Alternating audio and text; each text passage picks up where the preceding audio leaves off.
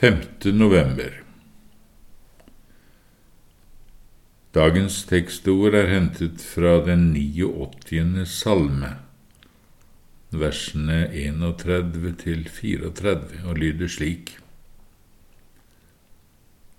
Hvis Hans barn forlater min lov, da vil jeg hjemsøke deres synd med riset, men min nåde vil jeg ikke ta fra ham.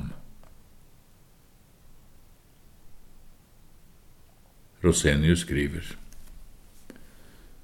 Hvordan skal vi forstå dette?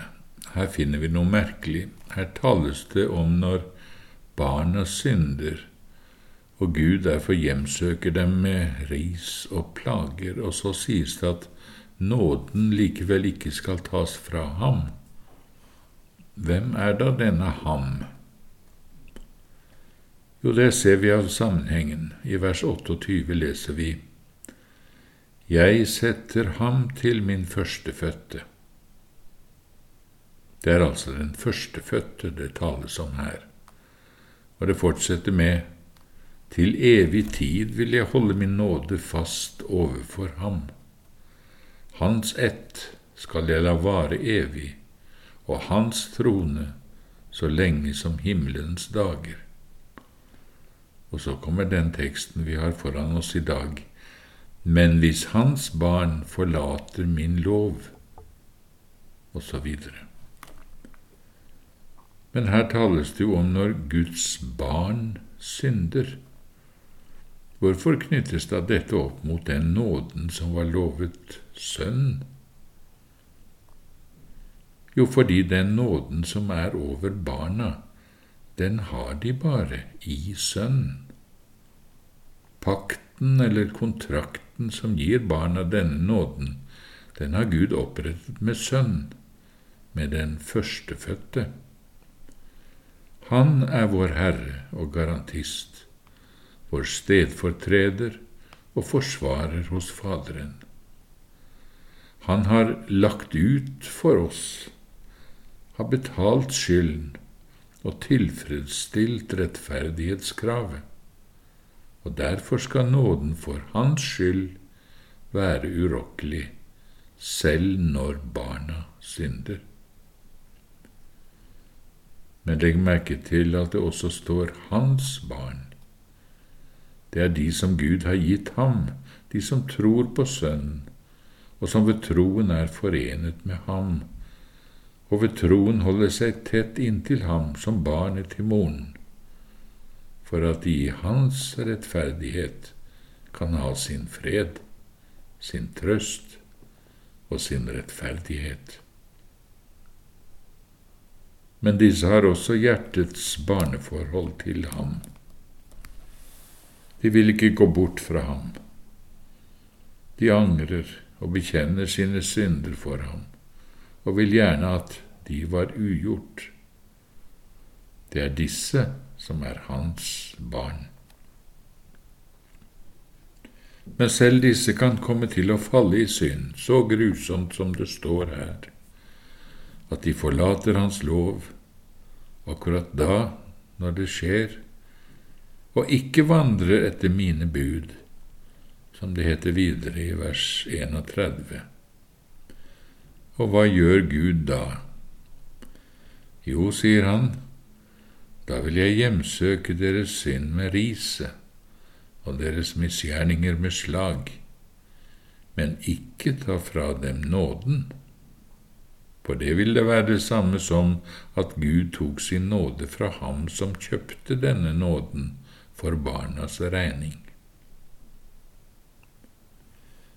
Luther sier, når det ser ut for meg som om Gud er vred, som om Han vil forkaste meg, da vil jeg svare, Hellige Far, før du kan forkaste meg, må du først forkaste din egen elskede Sønn, Jesus Kristus, for han er min mellommann, min garantist. Han er min løser som har betalt for meg og godtar du ham, da må også jeg gå fri. Anvender vi så dette på oss, kan vi si, du er kommet til Jesus, du har begynt å tro på ham og gjerne vil være hans oppriktige barn. Men du ser at du er så syndig og stadig faller så grovt at du tenker at Gud vil måtte overgi deg i en forherdet ånd. Husk da på dette. Det han vil gjøre på grunn av dine synder, er at han vil hjemsøke deg med ris og med plager, først innvortes i din samvittighet, så lenge det er nok for å tukte deg, og så også med mange slags utvortes prøvelser hvis det er nødvendig. Han vil straffe dine synder med ris og plager, men sin nåde vil han ikke trekke tilbake, for nåden bygger han på sin pakt med Sønnen, den førstefødte. Om nåden taler han ikke med deg, men med ham som betalte for den, han som er din mellommann, din forsvarer og garantist.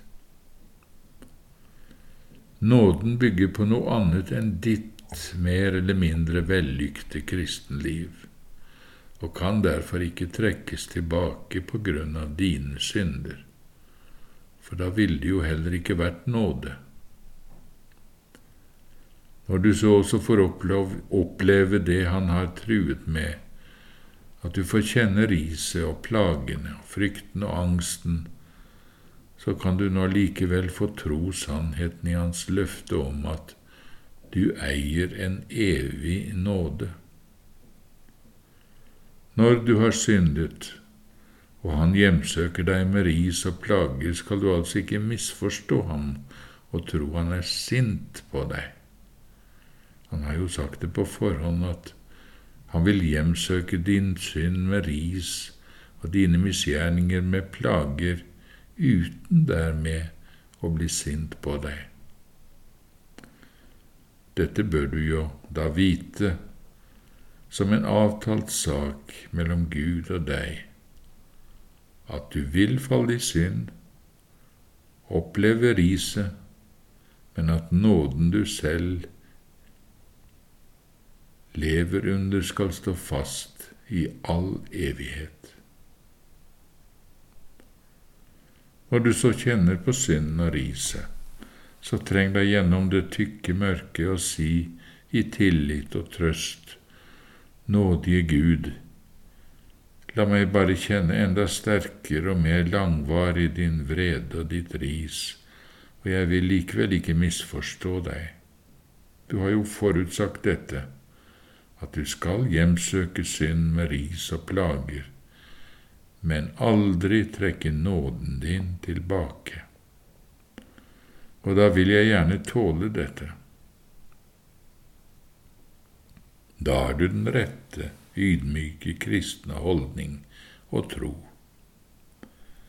Noe ganske annet er disse som ikke fortjener denne faderlige tilrettevisningen på grunn av synd, dette indre riset og plagene og angsten og frykten disse som bare lever dager og uker uten bekymring og uten denne redsel og frykten for synd, eller kan leve selvsikker og fri i en eller annen bevisst kjødelig livsform, men de er jo sikkert nok uekte barn. De er bare døde hyklere, dårlige jomfruer med en lampe gått tørr for olje. Det vi taler om under denne teksten, det er barna. De som ofte har vanskelig for å tro, som er svake og motløse og ofte fryktsomme hjerter, men som i Kristus søker de sin nåde og tilflukt og sin rettferdighet.